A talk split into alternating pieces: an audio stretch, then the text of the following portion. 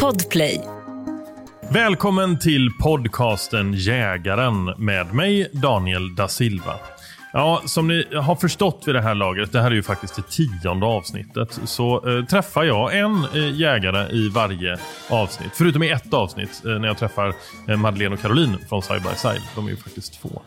Eh, och anledningen till att jag träffar eh, en massa jägare så här, det är ju för att jag själv brinner för jakt. Jag tog jägarexamen för tio år sedan eh, och jag vill bara lära mig mer och mer och mer.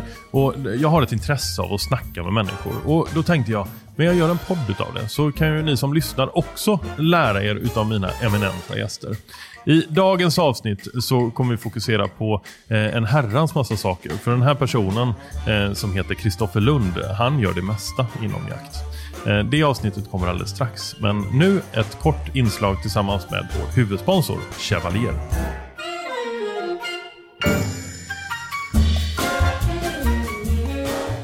Då sitter jag här och eh, mitt framför mig så har jag Karina Strand som är marknadschef på Chevalier. Välkommen! Tack. Eh, Jag tänkte att vi skulle prata lite grann om era produkter och hur ni arbetar med dem eller hur ni arbetar fram dem. För eh, vad jag har förstått så ni har ju jättemycket produkter eh, och, och jag vet om att ni testar dem. Att ni låter människor testa dem live. Hur, hur funkar det? Ja, precis. Det är inga enbart skrivbordsprodukter, utan vi vill att våra kläder ska komma till bruk och användning innan de kommer ut på marknaden av de som är så kallade heavy users. Alltså jägare som jagar många dagar om året. Om de får lov att använda, testa, tycka till om och ge feedback på våra plagg. Då vet vi ju också om vi behöver ja, ändra något, justera något. Det kan vara en, en ficka som behöver ändras bara någon centimeter eller millimeter. Eller en dragkedja som behöver bli lite längre. Om du är ute och använder kläderna i, i olika väderlekar, alltså det kan vara varmt, det kan vara kallt, i olika typer av jaktformer. Det kan ju vara stilla eller det kan vara väldigt rörligt. Eh, I olika typer av, alltså det kan vara i norr, där du har den typen av utmaningar med kyla och blåst och vad det nu kan vara. Det kan vara i söder där du har en annan typ av fuktig kyla eller eh, ja, så. Och, och då, då att använda det liksom på riktigt många gånger, det är då som man kan få fram riktigt bra feedback. Och hur, hur hittar ni de här eh, heavy users som ska testa? Det för antingen är det ju att eh, det är, folk hör av sig och eh, sen tycker vi liksom att ja, men det här är en som verkligen är ute i olika typer av jakt. Kanske en jaktform som inte vi har haft så många utav eh, som testar. Men sen är det också, vi har ett gäng människor som vi eh, litar på, som vi vet både Alltså för det är inte bara det här att man ska prova en produkt och ska man säga ja men det här satt bra, det här tyckte jag om. Utan du, du måste också kunna ge lite kreativ feedback och säga att hade man gjort så här så här så hade det blivit ett steg till. Och det kan ju vara lite olika också. Det kan ju vara personligheter, att man prefererar olika saker. Då behöver vi se till att vi har lite olika människotyper också, så att säga, som kan hjälpa oss framåt. Vad kul. Eh, super, superhärligt att snacka med dig. Eh, då, då är det faktiskt dags att, att köra igång eh, avsnittet med eh, Kristoffer Lund. Kristoffer Lund, denna eh, allkonstnär inom jakt. Eh, han håller på med eftersök, han tränar hundar, eh, både i grupp och privat. Eh, han jagar en herrans massa, syns på jaktfilm, Eh, driver en jaktpodd och är konservator. Någonting som jag vet ganska lite om och jag tror att det är ganska många där ute som också vet ganska lite om hur en konservator faktiskt arbetar. Så det är mycket möjligt att det här avsnittet blir lite eh, kladdigt och slafsigt eh, och detaljerat. Det hoppas jag och jag hoppas att ni kan stå ut med det. För nu är det dags att köra igång. Gud vad kul att vara här med dig Kristoffer. Detsamma, det är sjukt kul. Eh, jag har sett fram emot det mycket. Jag har ju lyssnat en del på podden så att, ja, det är riktigt kul. Ja, vad roligt. Och vi sitter i det mest fantastiska rummet. Alltså, det är eh, Chesterfield-fåtöljer. Så knarrar det lite grann när vi Ja, sitter man där får sitta still. Ja. Eh, och så är det ju, ja, men det är ju uppstoppade djur på väggarna och det är eh, horn som sticker ut och det är eh, pälsar och det, är- alltså det är så sjukt vackert. Mycket minnen. På ena, ena väggen här så är det en, en stor dovhjort eh, som du har monterat, eller hur? Ja, stämmer bra. För du är ju konservator och det kommer vi prata mycket om idag. Mm. Eh, någonting som eh, ganska få vet eh, så mycket om tror jag. Ja, det är väl inte allt för många som har kunskap om just konservatoryrket. Eh, Men jag tänkte som vanligt att börja prata om, om dig och ditt intresse, hur det kom till. Mm. Eh, lite, lite bakgrund sådär. Hur, hur kom jakten in i ditt liv?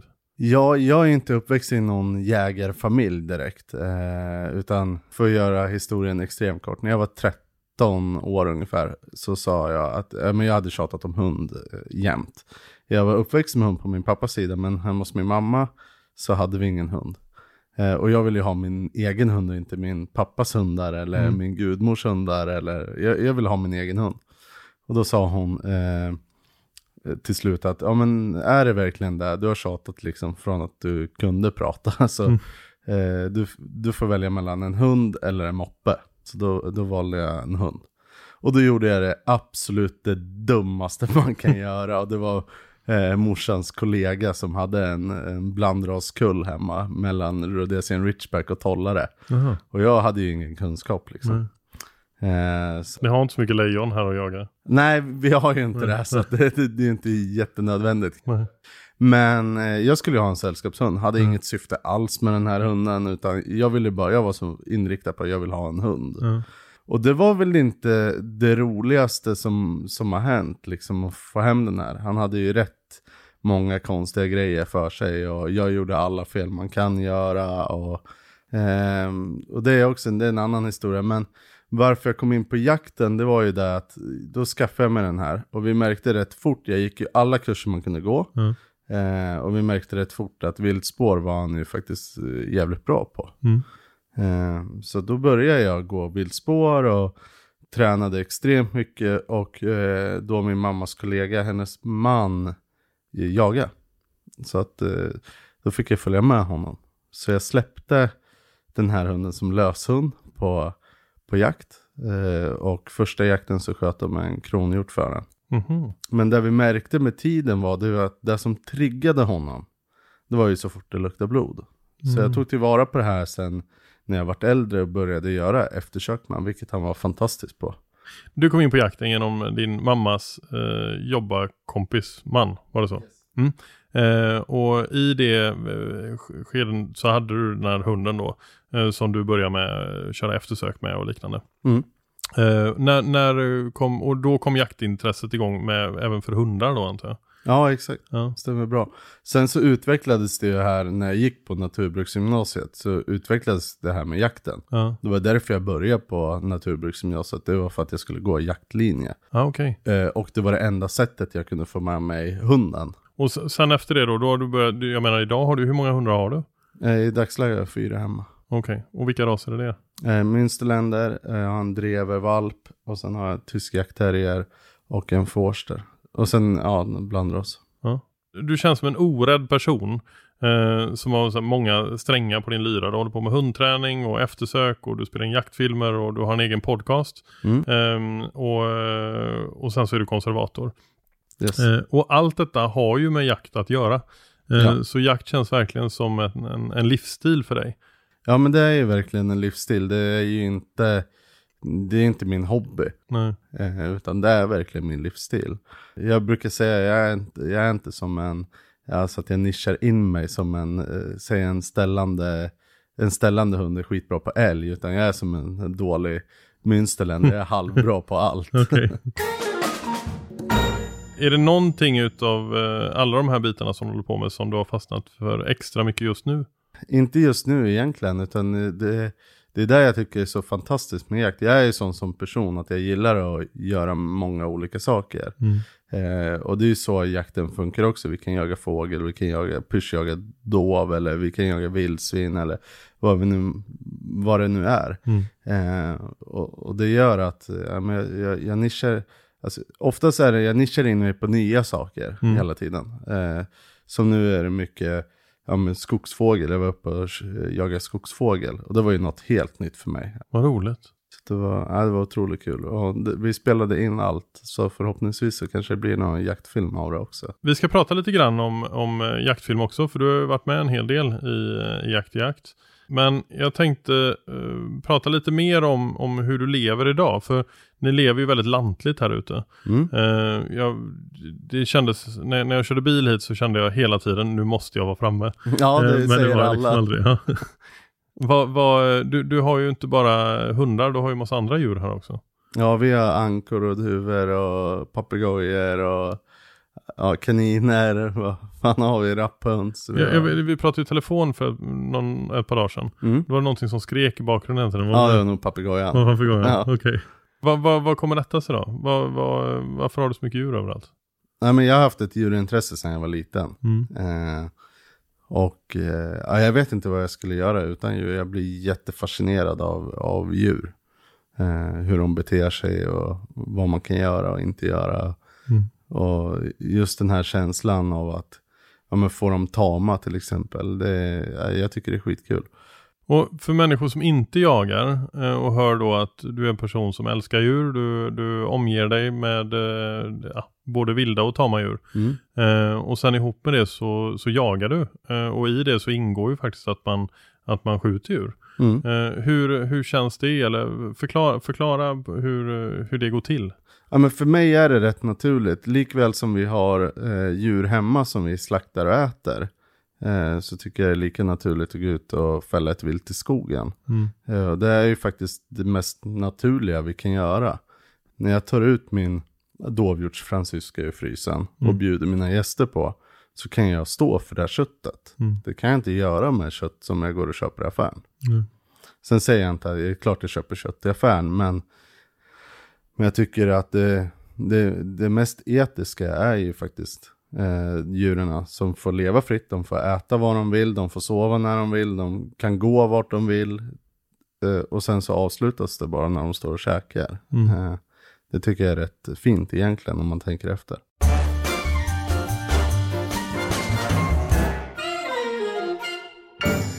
Vilka känslor skulle du vilja säga är de bästa när det kommer till jakt? Ja, det är många känslor, men eh, den, den, det, det är inte, har inte bara med att eh, man, man skjuter ett vilt. Eh, utan det är ju allt det här runt omkring, naturen. Eh, alltså vi, vi plockar svamp, alltså, allt man får från naturen.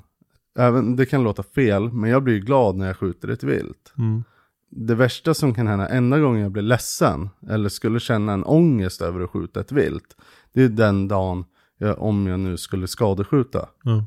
och se ett skadat djur. Det är det absolut det värsta som finns. Men att trycka av och se ett djur falla ihop, det rör mig inte. Nej. Alltså jag har ju ingen relation till det här djuret. Nej. Utan när jag kommer fram så är det, det är mat för mig. Ja. Men, och, men får du inte en personlig känsla eh, till, till dina tama djur? Jo, alltså, ja, jo men det får jag ju absolut. Men inte till, inte till de djuren som jag har, som, jag har ställt in mig på. Nej. De här är till mat. Nej, okej. Eh, sen så behandlar jag ju dem som vilket djur som helst. Ja. Men jag skulle ju aldrig kunna göra det med min hund till exempel. Nej, det är exakt. en helt annan sak. Ja, för där, där har jag så starka känslor. Men, men till min anka, jag tycker att bara för att den någon gång ska bli mat så ska den fortfarande ha ett värdigt liv Mm. på vägen dit. Precis som våra vilda djur. De har ett värdigt liv. Eh, men sen så när det avslutas så är det avslutat. Mm. Och där, där efter det så, så är det mat för mig. Mm. Och där tycker jag det värdiga är eh, när vi behandlar djuret efteråt, det är att ta tillvara på allt. Ja. Och, och där kommer vi in då på konservatorbiten. Eh, och jag vet att du brukar uttrycka det så. Att eh, varför bara ta vara på köttet? Varför inte ta vara på hela djuret? Mm. Eh, och det är också en, en, en fin tanke tycker jag. Eh, väldigt många personer förstår ju inte varför man ska ha då en uppstoppad eh, dovhjort på väggen. Eh, eller rådjurshorn eller vad som helst. Eh, hur är din tanke kring eh, det, det, ja, slutprodukten av det du gör? För det första, man tar ju tillvara på ett minne. Varje gång du kollar på den här dovhjorten som sitter på väggen eller du har den här pläden på soffan så kommer du ihåg det tillfället. Mm. Eh, så först och främst, du förlänger minnet eh, av den situation du har haft. Eh, sen tycker jag det är värdigt att varför, om jag nu skjuter en dovhjort som är otroligt vacker, en fin päls och så vidare och så vidare. Varför ska jag slänga det? Mm. Det finns ingen anledning, utan då tar vi tillvara på allt. Precis, förr var man ju jätteduktig på det. Skulle vi gå tillbaka ett gäng år i tiden och säga att ja, men vi slänger hudarna, Mm. då, då skulle de ju slänga oss i slackgropen. Mm. Eh, utan jag tycker att det, det är ett värdigt sätt. Mm. Eh, vad, vad, skulle du vilja säga att det innebär att vara konservator? Det kanske är människor som lyssnar på detta som faktiskt inte ens vet vad en konservator är. Eh, om vi börjar där, vad är en konservator? En konservator finns ju eh, i, om allt. Du kan konservera eh, tavlor. Ja. Eh, men en zoologisk konservator som jag är eh, konserverar helt enkelt eh, djurprodukter. Mm. Eh, skinn, eh, ja, etc. Och du är eh, mer specialiserad på pälsdjur än på fåglar va? Ja, det är det jag snöat in på eh, Mm. absolut mest. Sk- Skiljer det sig mycket mellan fågel och pälsdjur i arbetet?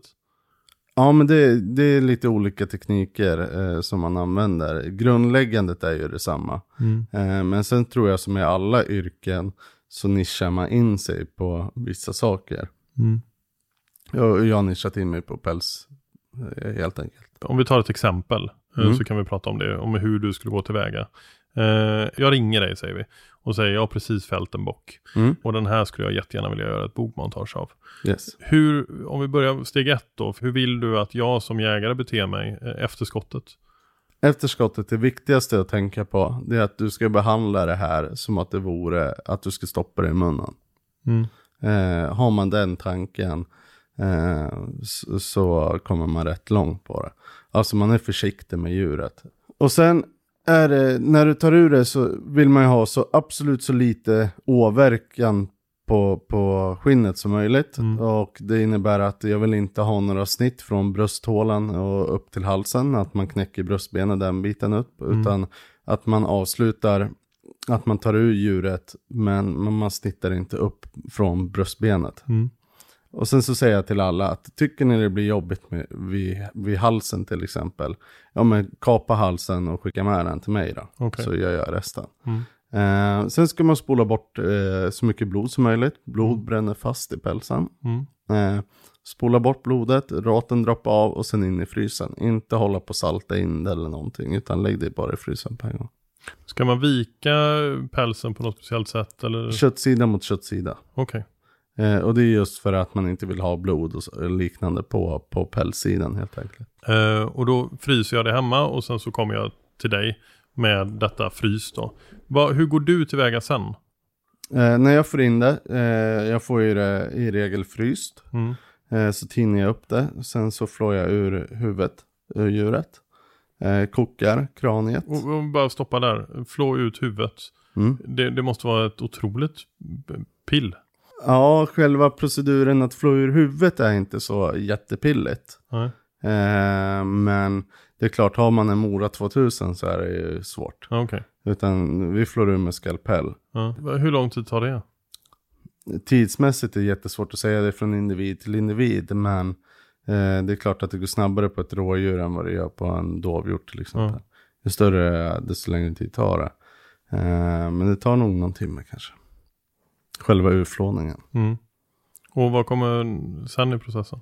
Eh, sen så ska det ju göras rent från så mycket kött som möjligt. Mm. Sen så saltar jag in skinnet efter det. Eh, låter det ligga. Så jag ser att, eh, att det har dragit ur all vätska ur skinnet. Mm. Eh, sen plockar jag ner det i ett pickelbad för att mjukgöra skinnet och att pickla igenom hela skinnet ordentligt. Alltså du, du har syra och salt. Mm. Jag låter det ligga där tills det eh, pH-värdet stabiliseras så att skinnet är igenom picklat ordentligt. Precis som du konserverar gurka eller Mm. vad du nu gör. Och sen har du då hela eh, bogen och eh, huvudet eh, konserverat. Mm. Eh, och då monterar du det på eh, en, någon form av modell. Ja, en mannekäng. Och det är precis en kropp. Och, och där måste jag fråga, för alla djuren ser ju olika ut. Mm. Finns det olika, heter det mannekäng sa du? Yes. Finns det olika mannekänger, olika storlekar och så då? Ja, det gör det. Man måttar ju in, in på ett ungefär, liksom så nära som möjligt. Mm. Och sen eh, köper jag den mannekängen. Vi, vi göt mycket kroppar förut, men eh, det säger sig självt, man behöver rätt mycket på lager då. Ja. Eh, så nu har vi en som, eh, som tillverkar mannekänger. Om vi tittar på de två dovhjortarna som, är, som hänger på väggen här. Är, är de mannekängerna likadana eller är de helt olika? Ja, de är nog eh, rätt olika. En är rak och en är vriden. Men, men storleken är nog densamma. Sen så fotar jag viltet när det kommer in. Ah, okay. Eh, så jag får eh, rätt uttryck. Förut när jag började som konservator så gjorde jag en dödsmask på, på alla. Vad, vad innebär det? Det är att jag gjuter av eh, skallen när den kommer in. Okay. Innan jag börjar eh, jobba med den. Herregud, alltså, vilket arbete alltså. Ja, det... Och, och sen då när du har, eh, då på något sätt trär du på huden på den här mannekängen. Mm. Eh, men efter det så är det ju allt finlir kvar. Mm. Vad, vad, det är ögon och, och, och vissa djur ska ju även ha, eh, som folk vill ha då, ett, något form av uttryck. Stämmer. Och små detaljer och liknande. Vad, ja. Är det där det största arbetet ligger eller? Ja men det är det nog, det är ju själva monteringen. Mm. Eh, det är ungefär lika mycket tid som, som all konservering av djuret. Så är monteringen. Vad, vad skulle du säga tidsåtgång på, på den här råbocken vi pratar om, ett bogmontage? Från att du packar upp lådan till att det är klart. Hur många aktiva timmar lägger du? Eh, vad kan jag lägga på ett rådjur? Eh, lägger jag nog en tio timmar i alla fall. Ja. Det tar ju längre tid än vad folk tror. Om man vill göra det själv då? Inte kanske ett bogmontage. Men, nej, det, men, nej. Då, då, får vi köra en lång podd. men om man, om man vill eh, bara ha hornen på väggen. Eh, så att man sätter upp en trofé. Mm. Eh, jag själv har några eh, bockar eh, på väggen hemma. Mm. Eh, men jag har inte gjort dem själv. Däremot så har jag inte lämnat in dem utan jag har en vän som har gjort det åt mig. Mm. Vad skulle du vilja säga om, nu kommer du bjuda bort din kunskap här så att du får mindre jobb kanske. Men, det brukar öka jobben. Okej, men ja, jag, jag fattar. men hur ska man, hur ska man göra? Vad, hur ska man lägga snittet? Hur bleker man? Vad, vad ska man tänka på? Nej men det första är ju att flå rent eh, skallen Mm. eh, från så mycket som möjligt. Ja, Eh, sen så lägger man ner det i ett vattenbad ja, eh, för att dra ur så mycket blod som möjligt. Och där många gör fel, det är att när de tänker att ja, det ska bara vara ett kranium, alltså Mm. ett pannben.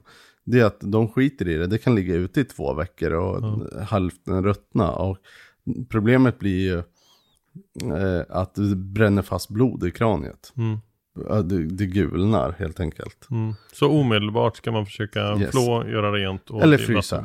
Okej, mm. Eh, och sen är det mycket trevligare att jobba med om det är fräscht. ja det är klart. Eh, men man flår av det, tar bort så mycket kött som möjligt, lägger i ett vattenbad, suger ur blodet. Eh, sen så kokar man det tills man ser att köttet börjar släppa. Mm. Det är bara upp, ta upp det, känn på det. Mm. Sen är det ju blekning med väteperoxid efteråt. Och vad tycker du? Linda in i trasor och vira runt eller hur, hur gör man enklast? Ja, det finns ju en miljard olika, alla säger olika, men, men doppa det, stoppa ner det ett tag i, väteperoxid eller pensla det sen Mm. ute i, i solen. Eh, jag hade en fråga också om att garva skinn. Mm. För det är också någonting som man kan göra. Jag har sett att det finns kit man kan köpa. Okej? Eh, va- hur, hur gör man när man garvar ett skinn? Alltså garva, garva skinn är en lika stor konst som att göra ett bogmontage. Ja. Och jag tycker inte själv att jag behärskar den eh, tekniken att garva ett skinn riktigt bra. Eh, som, ja, du har ju ett skinn som hänger bakom dig och det, det är eh, ett otroligt hantverk. Eh, och många tror inte det. Eh, och jag tycker att försök inte själva för det kommer inte bli bra. Eh, oavsett vad man köper för kit. Du får aldrig lika bra som någon som har tio års erfarenhet på ett garveri. Har du misslyckats någon gång har jag skrivit här. Men det kan jag tänka mig att du har gjort. Absolut. Ja. Eh, inte på några kunders montage, men eh, på vägen till där jag är nu så har jag ju absolut när jag började med, med konservatorarbetet så, så är det allt som jag, när jag tittar tillbaka, jag tyckte kanske att det var snyggt då, men när jag tittar tillbaka så jag, tycker jag att nah, det, där och det där och det där kunde jag gjort annorlunda. Men så är det ju med allt. Det, det finns ju lite eh, så här, roliga bilder på nätet med människor som Ja, har misslyckats så- fatalt. Ja, så grovt har jag inte misslyckats. Det har jag inte. Men Va, vad hände där? Är det, är det, har folk gjort det på skämt eller är det, är det på riktigt? antingen så har de gjort det på skämt eller så har de druckit alldeles för mycket sprit eller tagit in några andra substanser i kroppen. För att det, Det finns ju några sådana som är... Ja, det kan se för jävligt ut. Ja. Sen många av de här eh, extremmontagerna, det är ju alltså gjort för ett par hundra år sedan. Mm. Och ja men som eh, det här, jag tror det är det här lejonet, jag kommer inte ihåg vilket slott det är som har dem, Ja, den Gripsholm eller... Ler va? Ja, Eller ett stort leende på läpparna. där kan man ju ändå förstå för att det här, den, om man nu får kalla det en konservator, eh, tog ju, fick ju hem det till Sverige Ja. och visste inte ens hur ett lejon såg ut. Nej. Va, vad ska man googla på för att se de här? Ja, taxidermist, ja, Fail. Ja, fail. var rätt bra början. Vill, vill ni ha en skön kväll så, så googla på det. Ja, det kan vara rätt underhållande faktiskt.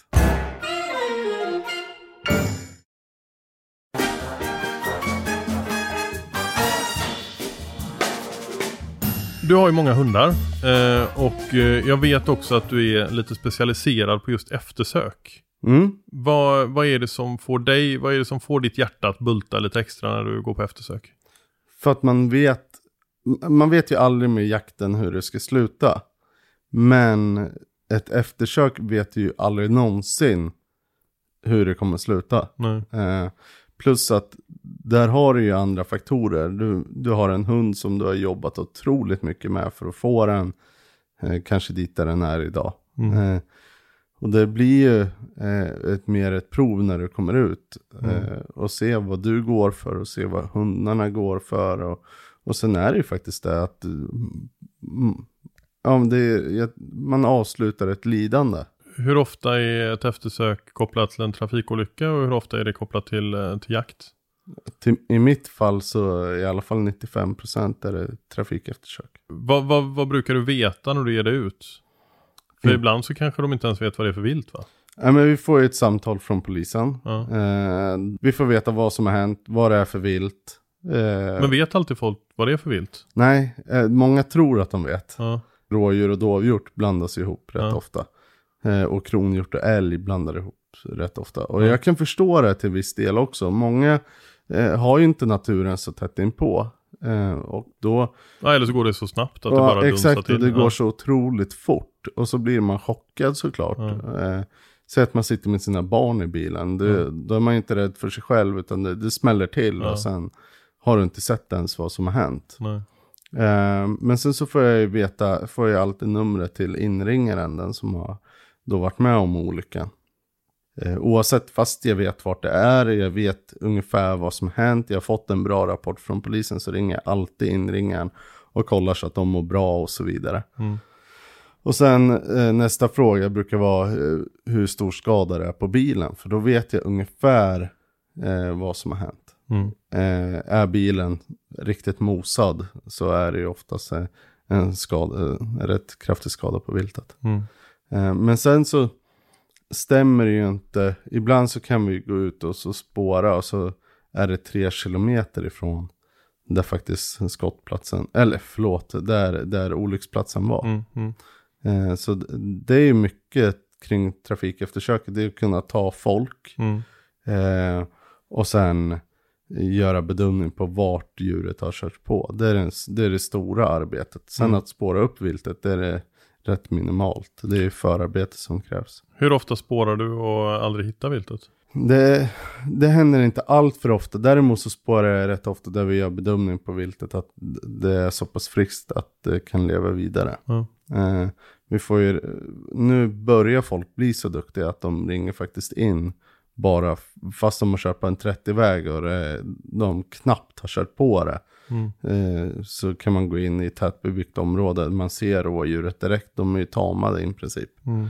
Eh, att ja, men det är inget fel på det då. Mm. Eh, men, men det händer ju att vi inte hittar, men oftast varför vi inte hittar, det är för att vi inte har en exakt position. Mm. Vi vet inte om det har gått av på vänster sida vägen eller höger sida vägen. Då blir det ju otroligt svårt att hitta Mm, det det där viltet. En sak som är otroligt eh, viktig, eh, typ det viktigaste inom jakt eh, och som, som för mig är extremt viktigt och som jag tänker väldigt mycket på är ju säkerhet.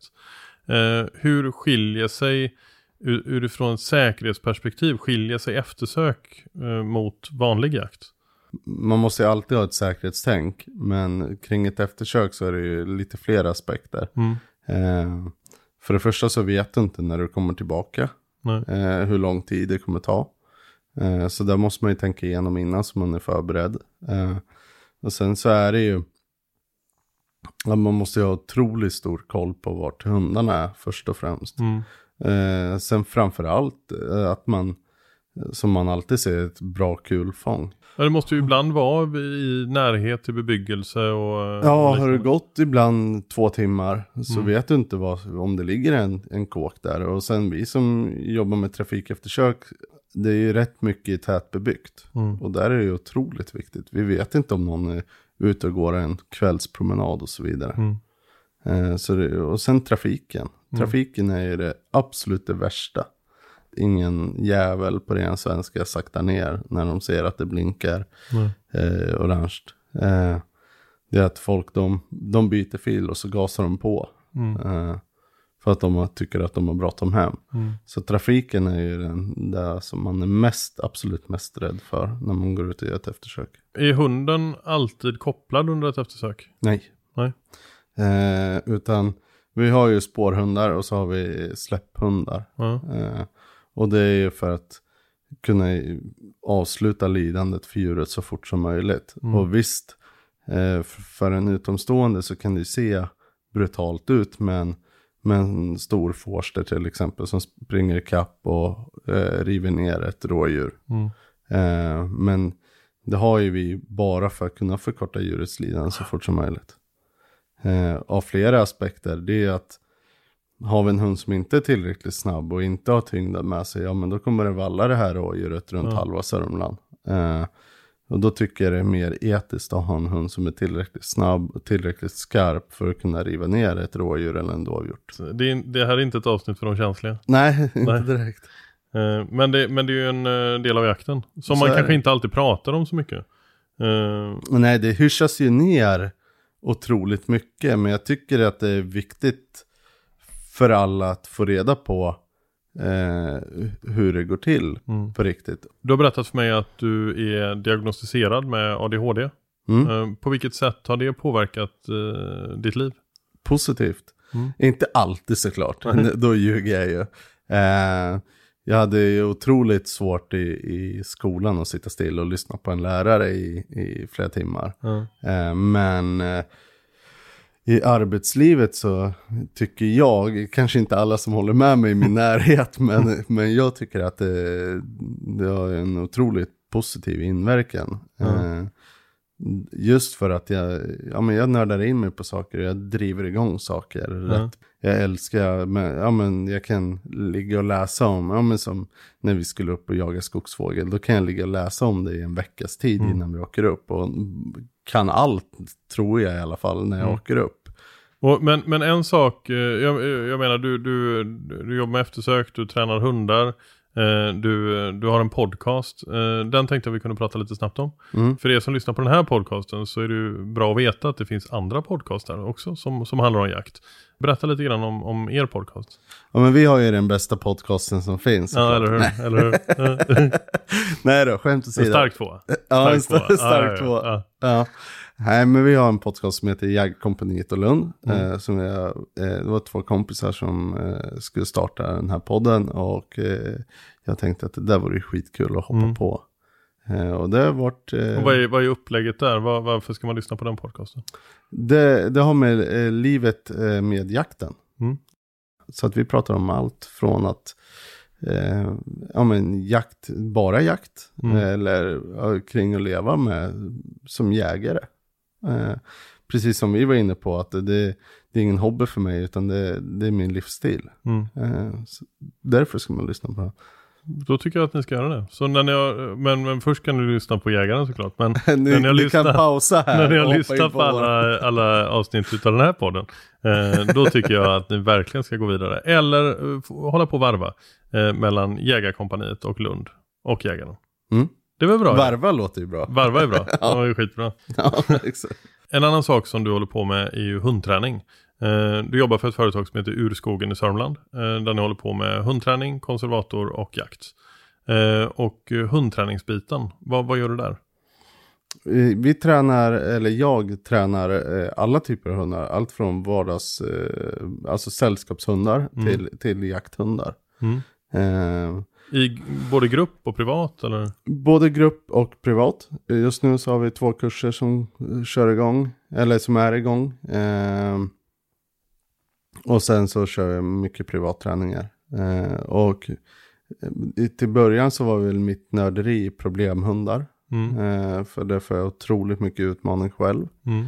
Eh, och jag tycker ju om, alltså jag är sån som person så jag tycker om att eh, kunna bidra med någonting och hj- hjälpa till. Så att där har vi mycket med problemhundarna. Eh, sen är det ju såklart jakthundar, det är det jag brinner mest för. Eh, Och hur, hur svårt är det om, man, om en person har en jakthund som de inte har jagat med? Eh, och som är kanske 4-5 år. Eh, går det att få igång jakten i hunden? Absolut, det blir ju svårare ju längre tiden går. Eh, säger man någonting annat så hittar man ju på. Men alltså, det, det blir ju svårare såklart med, med allt ju längre tiden går. Eh, men ofta så är det ju inte det att jag tränar in dem för att de ska bli duktiga jakthundar, alltså jakten, utan det är ju lydnadsmässigt som jag tränar hundar. Eh, sen är ju jakten det sista positiva, men eh, majoriteten av tiden så har man ju hunden hemma och det är där hunden ska funka. Mm. Sen så tycker jag att det har, alltså det går hand i hand med att ha en lydig hund eh, och en välfungerande hund som att jaga. Den blir oftast mycket bättre Mm. jakthund om du har de andra bitarna också. Det var ju en, en gammal skröna, det var att det inte går att ha en lydig jakthund. Mm. Men eh, jag ser på de hundar som kommer till mig att de som är lydiga, de som är bra mentalt och stabila är ju fan så mycket bättre jakthundar än, än de här som bara plockas ut ur hundgården och släpps. Mm. Eh, så att, Och hur är det kan, eh, om man eh, har en hund hemma och man jagar? Kan man i princip lära vilken ras som helst att spåra? ja, spårningsarbete kan du lära vilken hund som helst, alla har det genetiskt. Ja, Sen är det klart att vissa hundar är ju såklart bättre än andra hundar.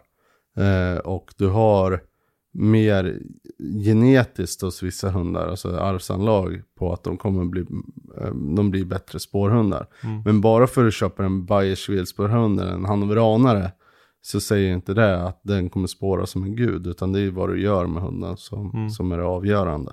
I, I jaktsammanhang så, så har du en skyldighet som jägare att ha tillgång till en eftersökshund. Mm. Finns det regler kring vad det ska vara för typ av hund? Nej, det gör ju inte det. Nej. Eh, utan du ska ha en hund som funkar till det ändamålet. Ja. Eh, det säger sig självt att om du har en eftersökshund eh, och vi säger att det är en Laika eh, så tar du inte ut den på en fågeljakt. Nej. Du ska ha en hund som fyller, eh, fyller en funktion, den funktionen. Men du, du kan i princip eh, spårträna med vilken hund som helst och sen använda den som eh, eftersök. Ja, sen är det såklart alltid, det finns vissa, Robin en polare, han hade en chihuahua, det är något av det jävligaste alltså. Har han med den i fickan då hela jakten? Ja, det, problemet är ju, kommer det lite för högt lingonris eller blåbärsris, då är det ju kört. Okej. Ja, nu får jag hela chihuahua-kåren på mig. Mm. Eh, nej men de är bra spårhundar alltså. Ja, men det, det är ju som jag säger, det är individerna. Ja, Och vissa har det mer genetiskt än vad andra har. ja. Coolt. Jag brukar avsluta med varje gäst och prata lite prylar. Mm. Eh, och jag, jag tycker ju själv det är kul med pry- prylar. Det, det är inte det viktigaste, men det är fortfarande roligt. Ja, det är jävligt kul med Ja. prylar. Vad vad, eh, vad har du i ditt vapenskåp? Eh, jag har en eh, gammal sida-sida som jag inte ens vet märket på. Eh, som, eh, som min sambo fick ärva av sin pappa. Så den har jag fått tagit över. Sen har jag en eh, Strasser RS14 Tracker. Eh, Tracker, vilken, jag har ju också en Strasser. mm, Eh, Vilken, vad är Tracker för någon? hundförarmodellen. Kort pipa. Eh, laminatkolv. Jag. Men det, det är stort Är det den. TAR? Vad sa du? TAR, eller vad heter den? Ja, nu, nu vet jag inte exakt skillnaden på modellerna. Det jag vet på tracken är att det ingår kortpipa och stort mag till exempel. Ja, okej. Eh, taren är väl eh, lite längre pipa på. Nej, det, jag blir Det är också en laminatkolv tror jag. Ja, exakt. Men jag blir Hur kort pipa har du? 52 kanske den är? Ja. Nej, jag vet inte, jag kommer ju bli sågad av Filip för det här, men eh, skitsamma. Jag tror den är Den är ganska 52. kort, Ja, Helt kort. enkelt. Ja. Ja. Vi säger bara ganska kort. Ja, ganska Ja, kort. Ganska kort. Ja. Ja. Mm. Ehm, och sen har jag en eh, Swarovski eh, 075 till 6 på den och en 2,3 18 Mm. Eh, till den bössan. Eh, sen har jag en Colt eh, revolver Mm. en, med en sexskottstrumma single action. Är det för gryt? Gryt och ja, avfångning. Okej. Eh, sen använder vi den på grävlingsjakt med ställande hund. Ja. Och det- Och det är inte helt enkelt att få licens på va? Äh, det var inte jätteenkelt. Nej. Det kan jag säga. Jag kommer inte ens ihåg hur lång tid det tog. Men det var, eh, det var många papper fram och tillbaka i alla fall. Ja. Har du något eh, salongsgevär också kanske som du Nej. tränar med? Faktiskt inte. Nej. Eh, jag hade ett som jag sålde. Ja. Eh, och det var nog fan det dummaste jag har gjort. Ja. Det är för en otroligt bra träning att stå och skjuta Ja. med 22. Men då, så du har eh, klass 1-vapen och hagel Yes. och revolver? Mm. Ja. Som en That's it. cowboy? Riktig cowboy. Ja. Eh, Många kollar snett på när man ska ut på grävlingsjakt och har revolver så jag brukar stoppa Har du den i hölster? Ett sånt cowboyhölster, det får man ta kanske. Jag, vet, jag kan ingenting om revolver. Jo, det får man ha. Ja. Eh, och det har jag. Och hatt och grejer också. Och hatt och, och boots är det Ja. viktigaste. Det är ju grymt. Nej men det är otroligt smidigt. Eh, speciellt när man eh, jagar grävling med ställande hund. Eh, att man Bootsen. har, vad sa du? Bootsen. Ja exakt. man blir jävligt snabb i skogen då. Lite jobbigt med sporrarna va? ja. Nej men att ha en hand fri hela tiden. Ja. Och sen, eh, och så, så smäller det inte så mycket. Men det är ju ett, eh, ett fint vapenskåp du har. Mm. Eh, Fyllt med en massa härligheter. Ja, inte jättemycket roliga grejer men en, en del i alla fall. Ja men du har det du behöver. Ja, ja det jag behöver. Mm. Och vad, vad har du mer på gång nu då? Ja men det är rätt mycket på gång alltså. Det, det är mycket hundträning. Mm. Eh, vilket jag, jag tycker är jätteroligt. Det är mycket verkstaden den här årstiden, alltså i konservatorverkstaden. Mm. Eh, eftersom att det är nu jakten är i full gång. Mm. Eh, sen har vi rätt roliga grejer på gång med, med jakt i jakt och även en del inspelat som inte har släppts än. Så att, eh, det är mycket projekt nu inför hösten och sen så eh, ska det bli otroligt kul att komma igång på riktigt med hundarna. Tusen tack för att jag fick eh, prata med dig. Tack själv. Eh, det- Jag har lärt mig jättemycket. Eh, hela konservatorbiten eh, kunde jag i princip noll om. Och sen var det väldigt kul att få veta hur det verkligen fungerar på, på eftersök. Superkul att snacka med dig. Detsamma, det var skitkul faktiskt.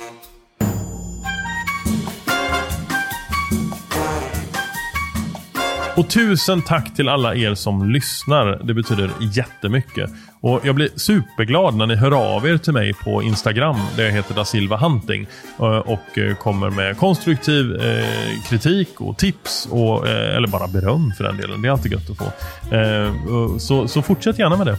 Sen så vill jag på nästa vecka för då ska jag prata med Filip Örnekrans som är expert på vapen, ammunition, skytte. Bössmakaren som håller till uppe i Åretrakten. Det får ni inte missa. Det hörs då. Hej!